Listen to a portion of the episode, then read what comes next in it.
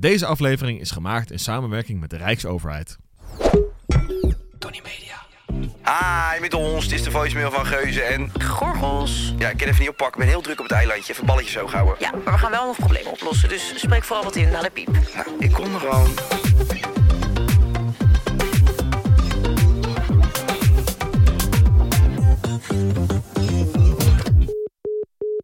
Hi Monkai, Suus hier. Ik heb een vrij serieus eh, probleem waar ik eh, eigenlijk liever niet over wil praten. Maar misschien kunnen jullie me toch helpen. Eh, ik heb namelijk best wel last van ja, prestatiedruk eigenlijk.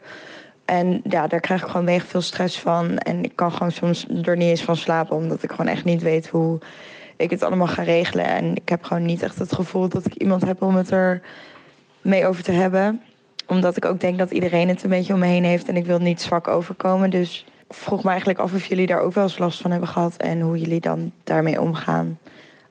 Hopelijk kunnen jullie me helpen. Kijk, en dit zijn onderwerpen waar we wat mee kunnen, Monique. Nou, hier hadden wij het letterlijk over vorige week bij jou in de tuin. Het moet maar eens klaar zijn met die prestatiedruk. Eens, eens, eens. Nou, ik moet zeggen dat soms vind ik veel...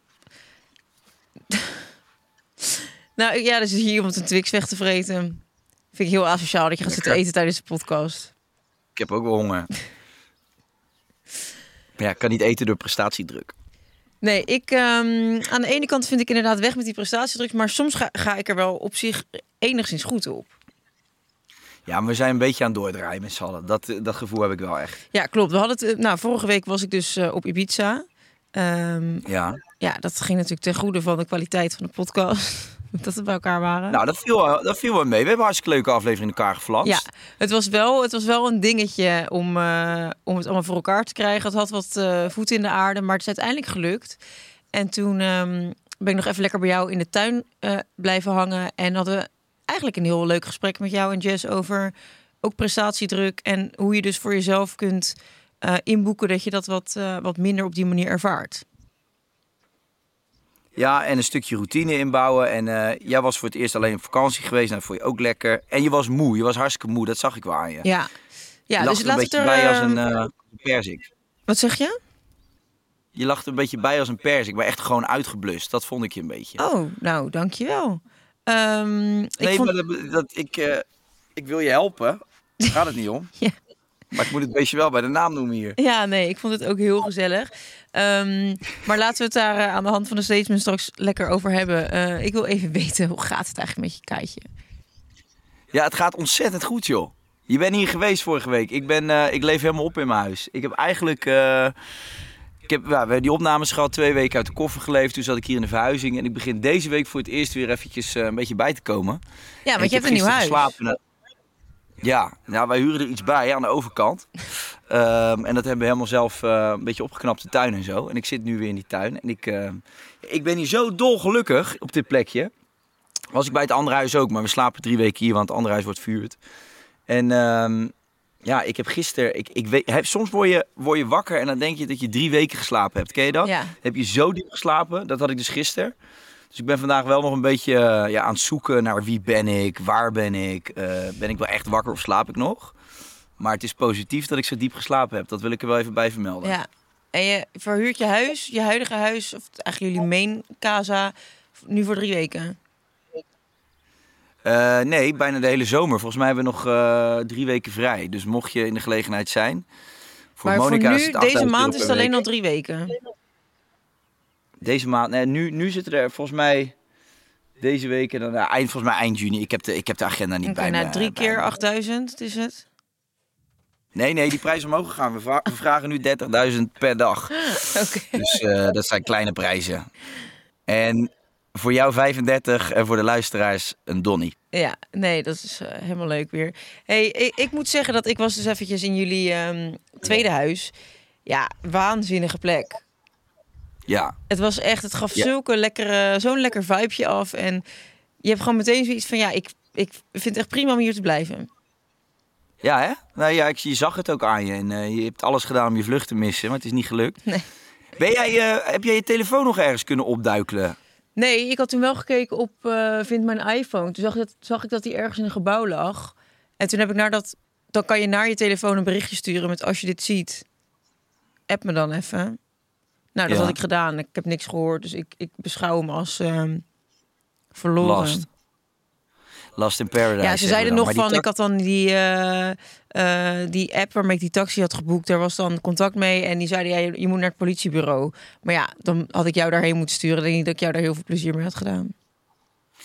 Ik zal je een geheimje vertellen. Ik ben al geweest, meisje. Ik heb je telefoon gevonden. Hier is die. Nee, dat is wel een geintje. Dat is lullig, hè? Maar laat mij weten welk gebouw, want dan kan ik er even naartoe. Nee, maar dat meen ik serieus. Als je, heb je het adres van het gebouw, dan rijd ik even langs. Ja? Ik zal het naar je sturen zo. Ik ben wel eens even heel benieuwd. Want is dat van die taxicentrale? Heb je dat al kunnen achterhalen? Of ligt hij gewoon bij iemand in zijn appartement? Hij ligt volgens mij bij iemand in zijn appartement. Kijk, en dan gaan we hier een klein clubje eh, jongens verzamelen... die allemaal op de vlucht zijn uit hun eigen land. En dan maken we daar eventjes een beetje stampij. Nou, dat lijkt me wel leuk. Maak er een vlogje van. Dan heb ik ook nog wat entertainment. Wat voor beelden staan erop? Belangrijke beelden, hè? Van je, van je vakantievlogjes en zo. Ja, Ja, stom. ja heel irritant. Hey Mo, ik, ik, ik, nee, stuur maar door. Ik ga er even achteraan. Oké. Ik was van de week even bij eh, Chess Gerdy geweest. Jij appte mij nog van, eh, waar zit jij? Dat op eh, Formentera, dat leuke plekje. Oh ja. Dat was ook weer, was ook, moest nog aan je denken. Dat was weer echt subliem hoor. ja. Is dat die plek met die, onder die boompjes, dat je gewoon echt van die houten tafels en stoelen hebt. En dat je gewoon dat hele lekkere, die hele lekkere lunchkaart. Je beschrijft nu zo'n beetje iedere tent in Ibiza. Dus Nee, ja, nee, maar je je weet wat ik bedoel. Het, is- het ziet er iets primitiever uit, maar je hebt wel gewoon de goede flessen op de kaart staan. dit is, dit, we hebben met een sommelier gesproken. Want die man met wie ik was, vriend van mij, die, eh, nou, die houdt van wijn. En die komt daar eh 50 keer per jaar ongeveer. En die had net een nieuwe boot, dus we zijn die kant op gevaren. En het was echt, eh, ja, die, die sommelier die nam ons mee die wijnkelder in. Want dat hebben ze daar. Toen heb ik dus rode wijn gedronken uit 1963. Die dus eh, helemaal aan het, eh, ja, in mijn optiek gewoon aan het rotten was. Maar dat schijnt dan weer te Een horen. soort En, eh, fermentatieproces en of ze hadden. Ja, het was gewoon een soort bruinig. Maar het was wel, ja, voor het verhaal was het leuk. En ze hadden wijn uit Lanzarote. Ja, dat vind ik dan, een, dat vind ik dan zo'n marketingverhaal. Dat leggen ze dan acht maanden op de zeebodem. Dus die flessen waren helemaal, er zat dan allemaal zoutkorst op. Wat wel weer cool was. Maar ik kan me niet voorstellen dat dat iets doet met de smaak van de wijn. Maar het was een goed verhaal. Dus ik heb, eh, het was een kind in de snoepwinkel daar. eh. Leuk, zo. Dat klinkt echt als een waanzinnige dag. Het zag er ook zo lekker uit. Lekker op die waaier. Topboten zijn dat Ja. ook, hè? Ja, ik moet je zeggen, ik heb eh, niet zoveel met boten. Nou ja, ik weet er gewoon niet zoveel van. Dat is misschien een betere uitleg. Maar ik heb hier wel een aantal vrienden die echt, die zijn er zo mee bezig de hele dag. Eh, dat ik er nu steeds meer over begin te leren. Ik moet wel zeggen, ik vind die waaier wel vervelende krengen hoor. Echt prachtig, jeetje. Ja, maar volgens mij, het instapmodelletje begint vanaf een miljoen, volgens mij. Ja, ja, en dit was dan geen instapmodel. Dus eh, nou ja, goed. Ik, eh, ik kan ze niet betalen, laat ik het daarbij houden. Maar wel leuk als mensen om me, he- om me heen een, een boot hebben. Nee, nou goed, nog een maandje huis vuren en die waaier die ligt bij jou in de sloot voor. Wat? Wat, wat? Nee, jij denkt echt dat dat zo snel gaat hier? Nee joh, houd toch op man. Weet je wat ik ook, weet je wat ik grappig vind? We krijgen dit jaar op Ibiza, je hebt nu een eh, directe vlucht van, ehm, van Amerika naar Mallorca. Dus het stikt ineens van de Amerikanen. Oh, wat lijp. Ja, dus ik heb dus één groep meiden ehm, uit LA die ons huis hebben gehuurd. Wat Ehm, leuk, dat is gezellig. Eigenlijk moet je dan gewoon met hun leuk op stap. Ja, en die hadden al gevraagd. Een vriendin van ons is onze house manager, dus die, die, die zit daartussen. Dus ik heb eigenlijk geen contact. Maar ik was wel even benieuwd, vijf meiden uit LA. Ik wil dan toch even zien hoe die eruit zien. Dat vind ik toch even belangrijk voor het huis. Maar ik weet wel, ik ga de planten water geven die week eh, in de ochtend hoor. Oh, sorry, de, gaat even zijn huis beschermen. ik ben de hondenbrokken vergeten. Ja, sorry, anders gaan mijn honden dood. Nee, maar dat waren wel echt van die, wel redelijk, eh, eh, redelijk richting de 40 of de 40 misschien zelfs al gepasseerd. Maar wel, ja, meiden die hier wel een beetje stampij komen trappen. Dat, eh, dat zag ik wel. En eentje was ook, volgens mij heeft zij een soort agency voor social media en zo. Dus dat, dat zullen hele leuke gesprekken worden. Klinkt eh, als Dus, vriendinnen eh, van mij, 40 jaar en komen stampij maken. Ja, nee, maar ik ga, als ze er zijn, dan zal ik vragen of ze nog een kamertje voor je hebben. Want dan kun je die kosten splitten. Of niet in een, niet je eentje te pakken allemaal. Dan kost het me maar 12.500 per dag. Nee, maar ik vond het wel... Kijk, Ibiza is natuurlijk altijd een beetje schoon gebleven van die Amerikanen. Maar dat begint nu, eh, begint nu blijkbaar echt aan te, aan te poten. Ja. Nou, leuk toch? Ik hou Weet van Amerikanen. Ze zijn lekker... ehm, Ja, het maakt maar... Ja, weet je, Amerikanen, er zitten leuke tussen en eh, slechte tussen. Ja, dat heb je overal. Het interesseert mij niet zo heel veel. Je hebt helemaal gelijk. Als ze maar gezellig zijn, toch? Ja. Wat heb je allemaal gedaan deze week? ja, dat was, het, wat- dat was al het hoogtepunt eigenlijk. De, je gasten Ehm. creep op Instagram. Wie? Je gasten creep op Instagram. Oh ja, nee, je bedoelt die uh, sommelier. Nee, ja, dat verhaal. Nou, ja, lekker naar Chess Gary varen. Eh, voor de rest... eh, Oh nee, ik heb een padeltoernooi gehad. Ja, dat interesseert jou dan allemaal niet. Maar ik ga het dan toch maar gewoon vertellen. Ehm, dat, was echt, eh, dat was echt de hel deze keer, man. Oh, Oh. het was... eh, Oh. Oh, je begint al te geeuwen. Ja. Het was 30 graden en ik, eh, ik had mezelf een regiootje hoger inge- ingeschaald. en ik ben eh, vreselijk afgestraft, kan ik je zeggen. Ja? Ja. Was het zo erg? Maar het was ook niet... ik- er stond ook een Argentijnse leraar stond ertussen. Oh, ja, dan denk ik, wat doe jij op een toernooi voor amateurs, weet je wel? Je bent gewoon een professional, hou even op, man. Oh ja, dat is wel irritant. Heb jij het nou al één keer gedaan, of niet? Ehm, nee, ja, ik heb het wel eens gedaan. Maar niet een lesje. Vond je het leuk? Ja, ik vond het wel leuk. Maar ja, ik, ben, ik, ik heb natuurlijk gewoon niet heel veel met sport. Dus het is niet dat dat ooit mijn passie gaat worden. Maar ik zie jou met Femke wel zo'n team vormen. Vind ik wel leuk. En dan van die mooie tennispakjes. Ik wou net zeggen, jij ziet Fem en mij gewoon een beetje heen en weer rennen in een leuk Ja? pakje. Dat heeft niet zoveel met padel te Ja? maken, denk ik. Ik hoor niks geks. Nee. Ehm, Ja. Maar je hebt ook nog eh, een paar dagen ben je helemaal een soort retreat geweest. Ja, een soort mini-retreatje hebben wij gehad aan huis, ja. Vertel even, als je daar wat Eh, over dat kwijt een- wil. Ja, het was een soort... Wat zeg je? Vertel even als je daar wat over kwijt wil. Nou, dat wil ik best wel eventjes eh, in kleine, kleine, grove lijnen vertellen, hoor. Ja. Ehm, ja, dat was een, een, een, een retreat gericht op, ehm, op de dynamiek in je relatie en dat soort dingen. ja. En Jess en ik vonden dat wel leuk om te doen eh, voordat die kleine er straks is.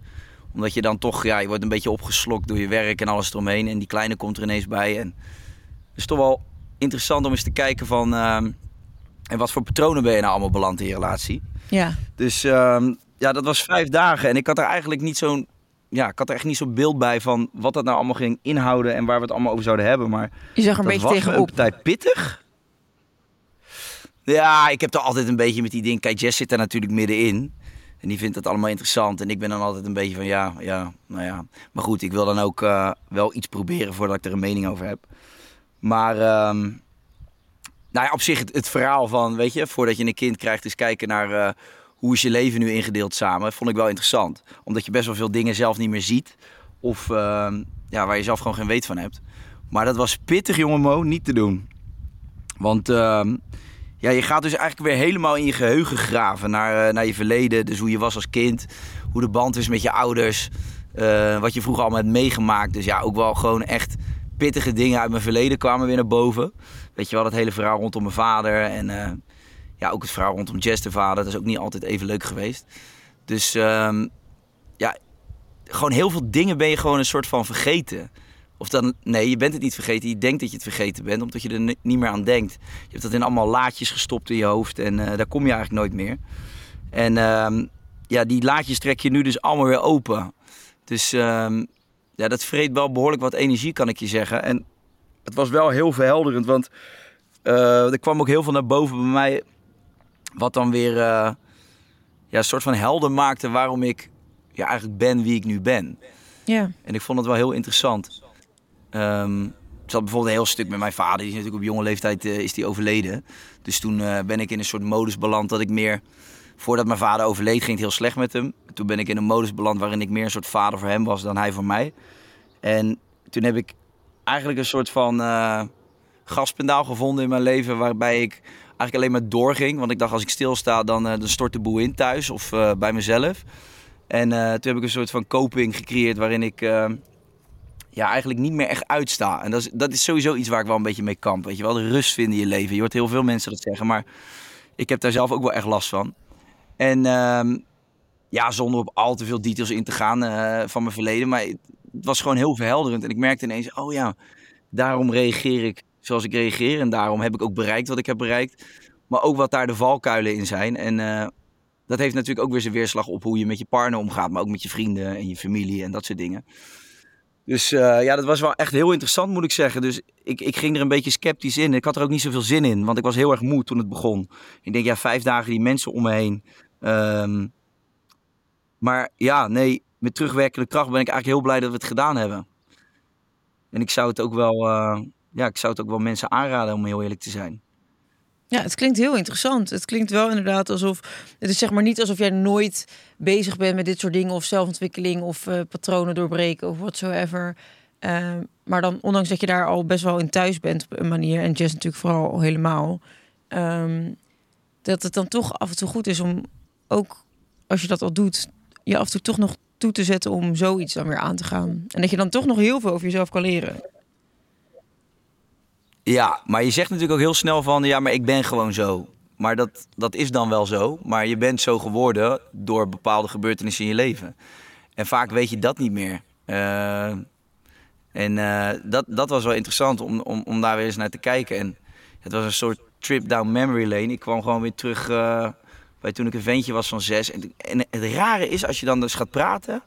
en mensen stellen je daar dan hele directe en goede vragen over... dat je dus bij heel veel oude herinneringen kan... waarvan je, waarvan je eigenlijk dacht dat je dat helemaal niet meer wist van jezelf.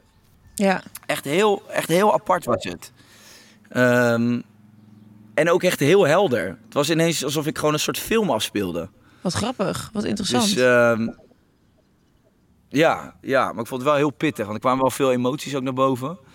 En uh, ik was wel echt na die vijf dagen eh, met hun in, in, de weer, was ik, wel echt, ik was wel echt kapot. Maar ik ben wel een soort van heel erg blij dat ik het heb gedaan.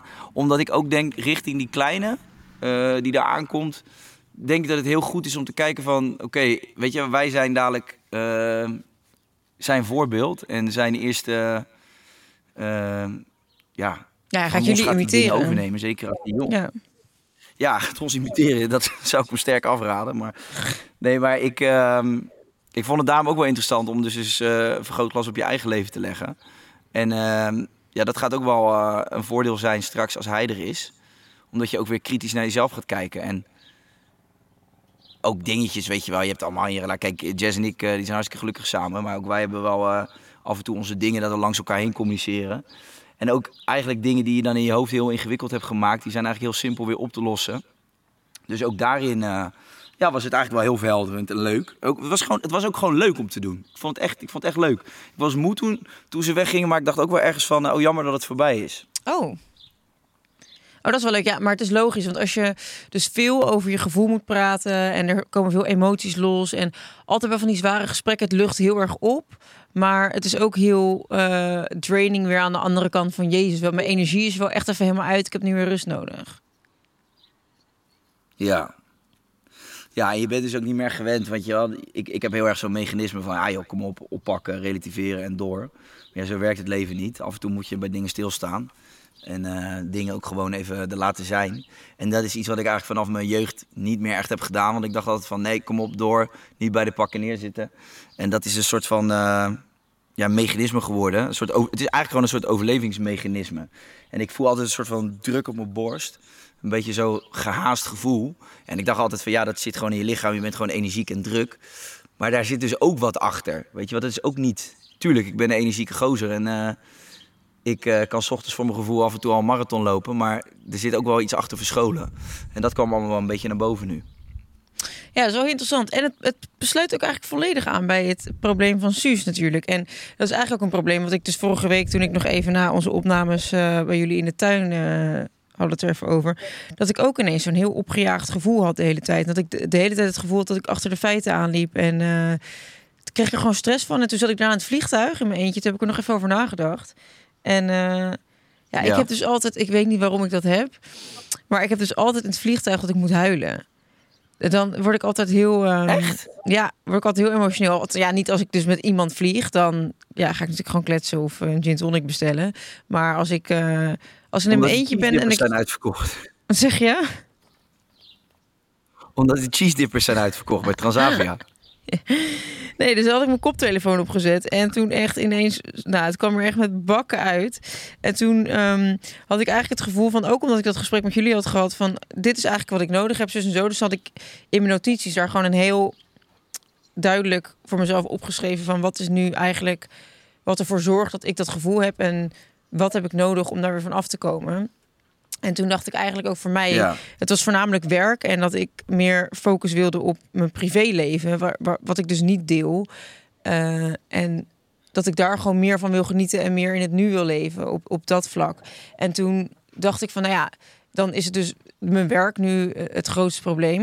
En toen heb ik gelijk Stan, mijn manager, een bericht gestuurd. En toen heb ik gewoon alles, eigenlijk wat me dwars had, eh, bij mezelf, gewoon gecommuniceerd. En toen was het echt heel simpel. Eh hij toonde begrip en hij zei, wat gaan we nu doen? Heel schema gemaakt. En nu heb ik gewoon een schema wat we eh, gaan proberen. Kijken of dat werkt. Als dat niet werkt, nou prima. Dan kunnen we het daar weer over hebben en dan eh, passen we het weer aan.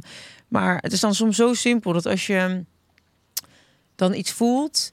eh, je kan daar heel lang met jezelf mee dan aan de haal gaan. En denk je, ja, wat is het nou? En het uitpluizen en bladibladibla. Maar ehm, ja, eigenlijk is het het slimste om daarover te communiceren met iemand in je omgeving die je daar direct bij kan helpen. Of die in ieder geval een luisterend oor kan bieden.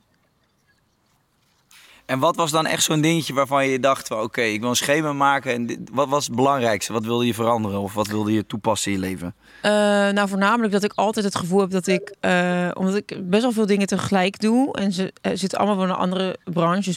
Of het is een podcast, of het zijn opnames eh, voor een programma, of het is Sophia May, of het is Stelts, of het zijn nog andere losse dingen. Dat je een keer te gast bent ergens, of je hebt zelf weer een idee. eh, eh, al die dingen qua werk. Ja. Altijd als ik bezig ben met het ene project, dan heb ik het gevoel dat er in alle vijf of zes andere projecten altijd vragen pending zijn. Dus ik laat altijd of mensen wachten, of ik stel mensen teleur door te laten reageren of door niet te reageren. Eh, dus ja, dat je dit denkt, fuck, ik, ik laat ergens altijd iets liggen. Eh, dat vond ik een heel vervelend gevoel. Eh, dus dan heb je ook altijd het gevoel dat je achter de feiten aanloopt. Dan word je wakker en denk je, ja, ik moet eigenlijk nog zoveel dingen doen. En dan wordt het te veel. Dus dan ga je eigenlijk alleen kijken naar wat zijn dan nu de prioriteiten voor die dag. Maar dan lig je nooit uitgerust in bed. Want je hebt altijd eigenlijk nog steeds honderd dingen die je moet of kan doen. En dan raak je helemaal het overzicht Ja. kwijt. Ehm, en dan kan ik dus Ja. ook niet genieten van. Ik had dan dus eh, drie dagen dat ik dacht, ik ga nu naar Ibiza en ik vind het even gescheten. Maar dan kan ik van die drie dagen dat ik dan mezelf verplicht rust gun, niet eens genieten. Omdat ik eigenlijk denk, ja, straks is dit weer klaar. En dan stroomt die telefoon weer over met de hele dag door appjes van iedereen. Ik ben ook zo klaar met dat WhatsApp. Ja, daar hadden wij het ook over. Hè? Dat WhatsApp is echt een, eh, echt een hele vervelende neurote in je leven. Ja, Die hele dag maar door eh, aandacht van je vraagt op ieder moment van de dag. We hadden, ja, kijk, dat gesprek ontstond ook een beetje omdat Jess heel erg bezig is om de leven, zeg maar, eh, op een hele chille manier in te delen. Ehm, en ik moet ook wel zeggen, ik zie van dichtbij ook dat zij dat echt wel steeds beter doet. En dat dat haar mega veel rust in de kop heeft gegeven. Ehm, maar het is dus ook je grenzen bewaken. En, en dus niet je de hele dag laten domineren door, eh, ja, door derden. Dus mensen die wat van je willen. Maar gewoon in, in vakjes gaan werken op je dag. Gewoon zeggen, dan en dan besteed ik hier tijd aan. En daarna dus niet meer. En dan ook je telefoon durven wegleggen. Want telefoon is wel echt, echt de troublemaker hoor. ja, klopt. Dat is het ook wel echt. Ik werd er echt ehm, gek van. Maar dan moet ik zeggen dat ik echt fases heb. Soms dan zit ik zoveel op mijn telefoon. En soms dan boeit het me ook eigenlijk echt geen hol. Ehm, maar als je Nee. dus... Het, het ding is dus, als je eenmaal dat ding in je klauwen hebt... dan zijn er nog twintig andere appjes die je ook kan openen. Terwijl als je niet de hele dag door appjes krijgt van mensen met... kan je dit nog even doen? Wil je hier nog even naar kijken? Wil je zus, wil je zo? Wil je... Ja, weet je... eh, ik snap dat daardoor ook alles sneller gaat tegenwoordig. Alleen soms hebben dingen niet altijd haast. Nee joh, eigenlijk heel vaak niet. Nee. Alleen op het moment dat je dat appje krijgt, krijg je toch het idee dat je direct moet reageren. En als je het niet doet, dan kan je het wel niet doen. Maar dan zit het alsnog in je hoofd. Dus dat rode, kleine, irritante vinkje wat je dan ziet met 1, 2 en op een gegeven moment 800. eh, dat blijft dan toch in je hoofd spoken. Dus je kan gewoon eigenlijk niet meer relaxen. Ja, klopt. Dat is het ook echt. Dus ik ben eigenlijk wel blij dat ik dat meteen ehm aankaarte en dat er dan een oplossing, eh, een praktische oplossing komt. Nou, dan is het even kijken of dat dan op die manier gaat werken. Maar ehm, ja, ik moet zeggen dat ik daar ook wel. En ik had ook wel heel erg dat ik vond Ibiza best wel confronterend, want ik zat dus in een hotel. En eh, toen bedacht ik me Ja. ineens van, oh mijn god, ik was hier ehm, vier jaar geleden was ik hier met Lars, eh, Mason en Sarah Lizzie. En toen waren we echt gewoon een gezin met z'n vieren op vakantie daar. En toen een paar jaar later was ik er alleen met Rob. omdat ik Rob toen net kende. En toen dacht ik, nou gaan we even een love trip doen.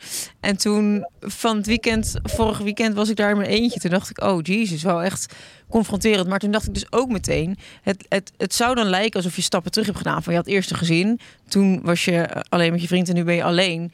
Maar aan de andere kant, ehm, eerst werd ik daar dus heel verdrietig van. Dat ik dacht, ja, jezus, er verandert zoveel in mijn leven de hele tijd.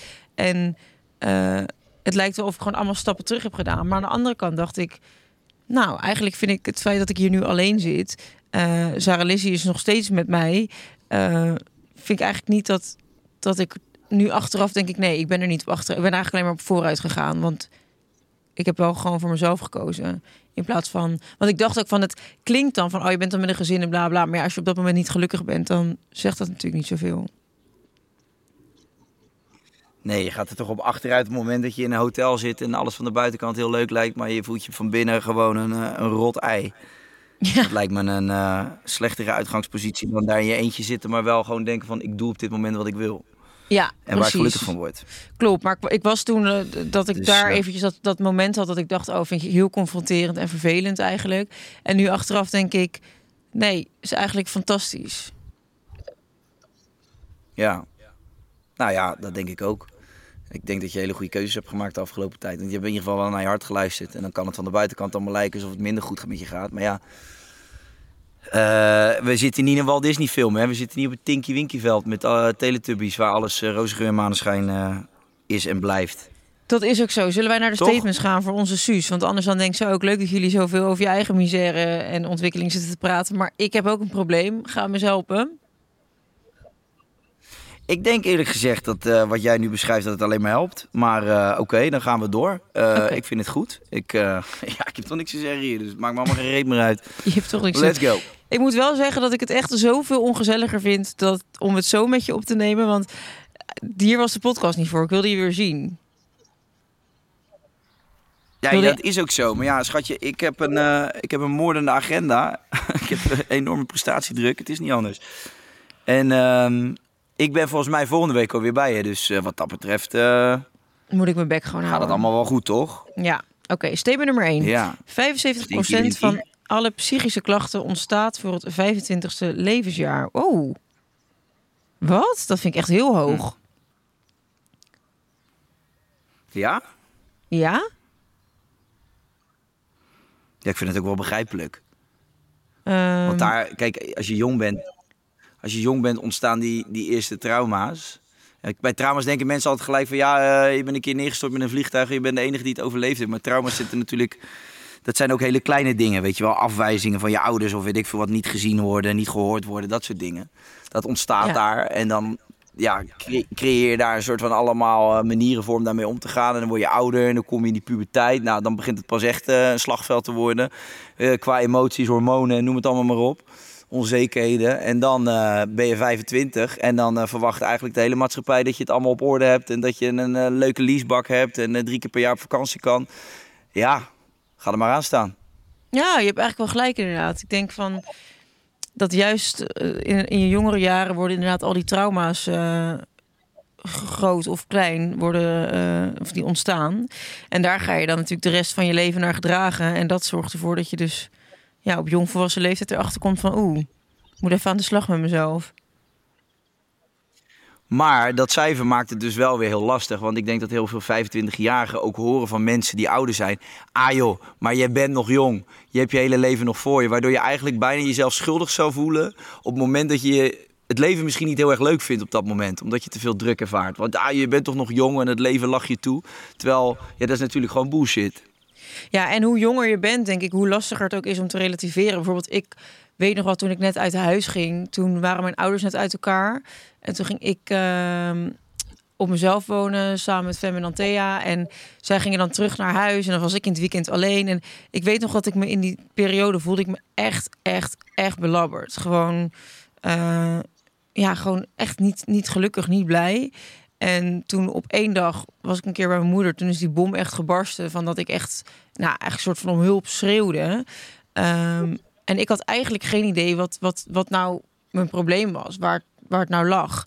En nu achteraf denk ik, oh ja, tuurlijk, dat is heel logisch. Want joh, uh, er veranderde zoveel in je leven. Je ging ineens uh, um, op jezelf wonen. Je kon niet meer echt terug naar je vaste nest. Dus ik voelde gewoon heel erg van, god, waar kan ik nou in vredesnaam nog naartoe gaan? Terwijl, kijk, nu zou ik dat, dat kunnen bedenken voor mijn 18-jarige zelf. Maar toen kon ik dat niet. En dan, uh, dan is het eigenlijk minstens nou, dan is denk ik nog belangrijker om aan de bel te trekken en te zeggen: joh, ik voel me nu niet goed.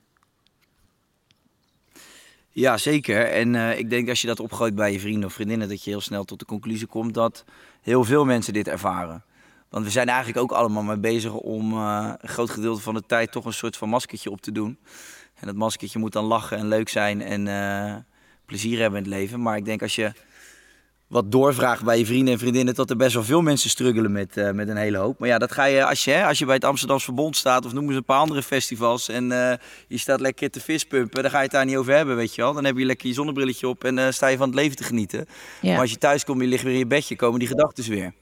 Ja, ja klopt. Dat is, dat is inderdaad lastig, omdat je ook, los van dat je je dus af en toe somber kunt voelen, je ook het je nog heel erg kunt genieten van mooie momenten. Dus ik denk dat uh, soms mensen dan ook zoiets tegen, tegenover zichzelf hebben van ja, maar ik heb toch een leuk leven en ik doe toch allemaal leuke dingen. En dat je het dan gaat bagatelliseren voor jezelf. Maar ik denk dat alle, al die emoties kunnen er zijn. Je kan juist heel erg veel zin hebben om juist voor afleiding of zoiets te doen, wat ook niet erg, erg is. Het is niet dat je het dan wegstopt, maar dan moet je het ook niet, wanneer je het wel voelt, dat ook niet wegstoppen. Het is prima om af en toe gewoon afleiding te hebben naar wel iets leuks. Maar ik denk dat je wel realistisch naar jezelf moet zijn. Van je, je, lichaam vertelt je ook echt wel veel over hoe je je voelt. Ik denk dat je daar gewoon altijd wel naar moet proberen te luisteren. Ja, het is, uh, het is een soort kraagdier wat, uh, wat aan, je, aan je schoenen zit te knagen. En op een gegeven moment heeft hij dwars door die zool heen gebeten. Dan zit hij bij je voet. En dan ja. wordt het echt ellende. En daar kan je over meepraten. Want je haat knaagdieren. Nou, ik word daar niet goed van. Sinds ik dat dus vorige week heb verteld in die podcast... Uh, over mijn uh, muizenfiasco. Echt, nou, iedere dag kom ik thuis en sla ik op alle muren om te kijken of er iets beweegt. Echt, ik lijk wel een, een gestoorde die door het huis banjert. En ik krijg nu de hele dag van ontzettend onsympathieke, vervelende mensen alleen maar filmpjes door van dode ratten en muizen en gestoordelingen. En ik hoef dat niet. Tag me er niet in. Ik meen dit wel echt serieus. Dus voor iedereen die luistert en dat van plan. Het, het is niet leuk om als je een filmpje van een muis ziet dat naar mij te sturen. Het, het, ik word daar echt niet vrolijk van. Ik vind het echt in geen geen mogelijkheid grappig. Dus laat het allemaal niet meer Zijn doen. dat dickpics dan? Of nou ja, of andere ik, muizen? Als ik dan nu zeg, ik heb nog liever dickpics dan muizenvideo's, dan is mijn hele eh, inbox vol met pikken. Dat hoeft nou voor mij ook weer niet. Maar ik, ik hoef het allemaal Krijg niet. Krijg je piemel met snorharen? Ja, tag mij even niet in die onzin, joh. Ik, eh, ik wil wel van die telefoon af en dan heb ik hem een keer in mijn handen en dan zie ik alleen maar van die ranzige knaagdieren. Je hebt ook naaktmuizen, hè? Die zijn helemaal. Uh, oh, statement nummer twee. Prestatiedruk hebben getuigd van ambitie. Nou, kijk, hierom zei ik dus net van: ik vind uh, prestatiedruk niet altijd vervelend, want soms helpt het me wel heel erg gemotiveerd te blijven. Ik vind uh, het ook wel lekker om een soort van druk te voelen. Dan krijg ik wel meer voor elkaar. Maar ik denk dat prestatiedruk echt pas iets negatiefs is als het leidt tot perfectionisme of ja, dan dus mentale klachten, omdat je zo perfectionistisch bent. Ja, en vooral ook voor wie doe je het, hè? En wat is dan uh, de intentie daarachter? Van, uh, heb je het idee dat je dat moet doen voor je ouders, voor de maatschappij of voor het plaatje op Instagram? Of, of voel je het zelf intrinsiek zo? Maar wel geinig, want dat hele verhaal wat ik je net vertelde over waar Jess en ik uh, vijf dagen in hebben gezeten, dat was dus niet gepland ten opzichte van deze podcast, uiteraard. Maar bij mij kwam dus wel naar boven, want ik heb, dat, ik heb altijd een beetje zo'n gevoel van ja, maar je moet gewoon een drijf hebben in het leven. Je moet gewoon knallen en catch hem bij de balls. Ja. Maar uh, bij mij kwam, uh, kwam er dan naar voren dat, uh, dat dat gewoon ook een soort ja, overlevingstechniek is geworden. En dat is dus eigenlijk helemaal niet zo gezond. Althans niet altijd. Het is denk ik heel goed om zingeving te voelen en een drijf te hebben en doelen te stellen. Maar het kan ook doorslaan. En ik denk dat dat bij mij af en toe wel eens gebeurt. ben ik nu achter. Dat ik denk van ja, vriend, het is allemaal wel leuk hoe je het verkoopt en verpakt. Maar ga nou maar gewoon eens lekker op die tuinstoel zitten wiegen en een uurtje zitten mijmeren. Plaats van maar door te willen en meer, meer, meer. Het is gewoon een soort overleving uh, wat ik mezelf heb aangeluld. Ja, jij kan soms inderdaad wel, uh, uh, ook als ik jou spreek, als we het gewoon wel eens hebben over werk en zo, kun jij soms wel heel erg zo doorslaan in je enthousiasme en dan moet het meer. Dat ik af en toe ook wel eens denk van ja, hoeveel meer moet het nog zijn? Maar dat zeg je op jouw beurt dan ook wel vaak tegen mij van... joh, ik snap niet waarom je dit en dit en dit allemaal nog doet. Doe dat lekker niet. Nou, ik heb dus wel, ik denk het afgelopen jaar ben ik wel begonnen met uh, vaker nee zeggen. En ik denk wel dat ik er beter in word. Ja, klopt. Ik vind het eigenlijk ook zo irritant dat je... Uh, dat we allemaal bezig zijn met inderdaad... Uh, is dat dan succesvol? Ga je niet een, een titel doen die dan bijvoorbeeld kan floppen en blablabla. Ik heb nu de laatste tijd zoiets van fucking boeien. Ik wil het gewoon leuk hebben in mijn leven. Ik wil gewoon gelukkig zijn. Um, waar naast ik dan dus ook alweer dat heel lastig vind dat, dat we allemaal maar gelukkig willen zijn. En dus krampachtig gaan kijken wat maakt ons nou gelukkig. En het is ook niet erg om af en toe gewoon echt een kutdag te hebben of een kutmaand. Of dat, dat je er even le niet lekker in zit. Ik denk dat dat contrast nee. ook dan wel heel mooi is om, um, of nodig is om je ook alweer echt gelukkig te voelen als het allemaal goed gaat. Maar um, ja, ik vind wel dat we, dat we ons wat meer allemaal mogen focussen op welke, welke kleine dingen in het leven zorgen ervoor dat het bijdraagt aan je geluk. En in ieder geval ervoor zorgt dat je minder mentale klachten hebt. En dat zijn wel die dingen waar wij het over hadden laatst Zeker. met routines aan, aanbrengen in je leven. Ja, ja, zeker. Ja, en uh, toch denk dat heel veel mensen ook gewoon, als ze ermee inchecken, toch gewoon niet doen wat ze echt, echt leuk vinden. En dat is natuurlijk super lastig, want heel veel mensen weten het ook niet eens. Het is ook moeilijk van, ja, wat is dan je droom en wat is dan je droomleven? En, en heb ik het niet over, uh, over, over materialistisch ding, maar gewoon ook, ja, gewoon hoe, hoe zie je leven nou voor je? Maar heel, heel vaak weet je ook helemaal niet van, misschien, misschien heb je wel een mega passie voor tuinieren of weet ik veel wat. Maar als jij nog nooit een plant hebt aangeraakt, ja, hoe weet je dan dat je dat hebt? En misschien kom je ook wel nooit in aanraking met een plant. Ik zeg maar wat stoms. Maar ja, het is ook gewoon, heel veel mensen zijn maar op zoek. Maar het is ook gewoon lastig om dat te vinden. Ja, klopt, inderdaad. Alleen ik denk wel dat, uh, los van of je bijvoorbeeld niet weet wat je per se gelukkig maakt, dat je niet een passie hebt of niet een hobby, of heb ik ook niet echt, merk ik wel dat als je. Uh, nou, dus, dus bepaalde routines aanbrengt en afspraken met jezelf maakt die dan ook weer niet. Die lat moet ook weer niet te hoog liggen, want dan ga je jezelf weer teleurstellen, krijg je dat gezeik weer. Maar gewoon een paar makkelijke dingetjes om, waar je je gewoon aan houdt, omdat je weet dat het beter voor je is. Dat, dat, dan, dat moet dan gewoon reden genoeg ja. zijn. Ja, zeker. Als je het hebt over routines, dan vond ik vroeger altijd zo'n uh, woord voor hele suffe mensen met uh, hele saaie levens, weet je wel. Uh, dat dacht ik althans. Maar ik ben er toch wel achter dat zelf opgelegde routines echt fantastisch zijn. En dat je daar gewoon als mens heel goed onder gedijt. En uh, dat zie je bij dieren ook. Dieren hebben ook gewoon vaste routines in hun leven. En uh, alleen wij mensen zijn, zijn helemaal ontspoord en leven helemaal tegen de klok in. En dus ik ben er ook wel steeds meer achter dat routines, zeker als je ze zelf oplegt, dat je daar heel gelukkig van kan worden. Maar dat is wel, dat daar moet je ook discipline voor hebben. Ja, klopt. En dat is dus meer, zeg maar, ik dacht altijd dat ik heel erg in mijn leven waardeerde dat ik dus weinig routine heb. En dat ik weinig uh, uh, nou ja, verplichte vaste tijden heb waarop ik dingen moet doen. Jij loopt even naar binnen? Ja. Okay. Nou ja, ik ben dus een beetje bang. Wat mijn batterijen zie ik in deze melding van. Oh. Dus dat mag, dat mag nooit de bedoeling zijn. Uh, Ga jij hem even aansluiten? Dan ik ga praat... hier staan. Oké. Okay. Nou, ik, ik heb dus wel eigenlijk dat ik altijd dacht van... Ah, routine, het is zo lekker dat ik dat dus niet heb in mijn leven. En ik merkte dus dat, dat ik die onrust ervaarde in mijn lijf. En dat ik dus eigenlijk tot de conclusie kwam van... ik snak dus eigenlijk zo erg naar routine. En omdat ja, ik dat dus vrijwel niet heb... Uh, is het aan mij om dus een routine te gaan scheppen. En dat wel gewoon te gaan naleven. Dus... Uh, ja, dat staat voor nu op de planning. En ik hoop dat ik me eraan kan houden, want ik heb ook nogal een gebrek aan discipline. Uh, laten we doorgaan naar statement nummer drie. Praten over je niet oké voelen lucht altijd op. Um, nou, ja, dit, ja, dit is niet echt een statement om over te kunnen discussiëren. Dit is gewoon een, uh, een onoverkomelijk feit, toch? Ja, dat ik dan nu ga zeggen, nee man. Het is echt beter om daar gewoon niet over te praten en het echt helemaal zelf te doen. En dan in zo'n duister kamertje met de gordijnen dicht, hele treurige muziek te gaan luisteren. Dat is echt de oplossing. nee, dat is natuurlijk een onzin. Nou, nee, ja, natuurlijk lekker denk, kletsen man. Je kletst af- nou, wat ik wel soms denk is dat wel af en toe in je, in je zolderkamertje met de gordijnen dicht naar treurige muziek luisteren kan ook ontzettend lekker zijn hoor. Maar ik denk dat het ook heel goed is om ja, altijd te praten met mensen. Ja joh, dat, we zijn ook gewoon eh kuddedieren en we, we vinden het gewoon leuk om te communiceren. Alleen we zijn een beetje afgeleerd om eh, te praten over dingen die... eh, ja, dat is het. Dat, en dat is dus die prestatiedruk, denk ik volgens mij ook gewoon een belangrijke angel. Dat het dan altijd maar goed moet gaan. En dat heeft dus met je werk, je relaties of je persoonlijke dingen gewoon te maken. Ja, als we daar eens van afstappen en, en we leren daarover te praten, ik denk dat dat al een groot gedeelte van die prestatiedruk wegneemt. Want dan mag het andere er ook zijn. En als dat het er mag zijn, dan wordt het automatisch ook minder zwaar. Klopt inderdaad. Maar dan ik moet dus wel weer door... net als de rest. Wat zeg je? Nou, dan ben je weer net als de rest, weet je wel. Als het bespreekbaar is, dan zijn we allemaal hetzelfde. En dan, dan valt die, die druk ook weg.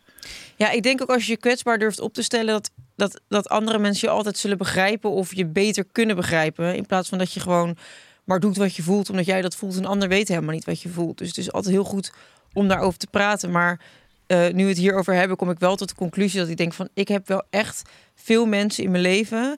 waarbij ik me comfortabel genoeg voel om over mijn gevoelens te praten... en waar ik ook echt mezelf kan zijn...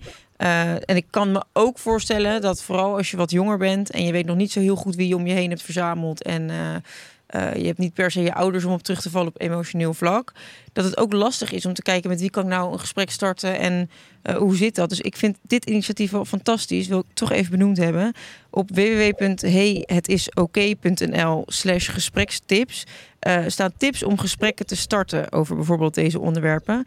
En je schrijft hey, het is oké met H-E-Y. En dan het is oké, O-K-E.nl slash gesprekstips. Zullen wij het eh, probleem gaan oplossen? Nou, wat is dan de oplossing volgens jou, Monique? Ehm, nou, voor mij is de oplossing eigenlijk eh, heel duidelijk. En ik denk een beetje voor de hand liggend, maar dat, ja, dat interesseert me eigenlijk even niet eh, over dit onderwerp. Ik denk eigenlijk ook dat jij je er volledig bij gaat aansluiten, maar je mag zeker weer meeliften op mijn succes. Ehm, ik denk eigenlijk dat het de oplossing is. Eh, heel simpel, praat erover met mensen en eh, dat lucht altijd op en zorg ervoor dat mensen je beter begrijpen. Daarmee kun je tips uitwisselen met elkaar over eh, wat je bijvoorbeeld kunt doen. Ik denk dat je altijd moet remijnen dat je nooit alleen bent in bijvoorbeeld sombere gevoelens of stress, faalangst, slapeloosheid, dat soort dingen. Iedereen heeft daar wel eens of op een moment last van. En ik denk dat we door te praten kunnen verbroederen in plaats van polariseren door maar te doen wat je voelt en daar niet over te communiceren. Wauw, wat een mooie tekst, eh, lieverd. Ja, daar wil je zeker op meeliften. En, eh, spot on. Ik zeg, eh, we doen er een strik omheen, want ik ga hier niks meer aan toe kunnen voegen. Dat denk ik ook niet. Zullen wij doorgaan op podium? Dan mag jij daar eens even wat aan toevoegen aan die aflevering. Oh ja? Mag ik Ja. het weer gaan doen? Is goed, ik ga de motor draaien. We hebben een, eh, een DM gekregen van Jamie Wijsmuller. En die. eh, ah, dat gaat over vakanties. En dat is wel een hele grappige. Ik ook een leuk verhaaltje over. Nou, tot op de Podimo-app. Horens.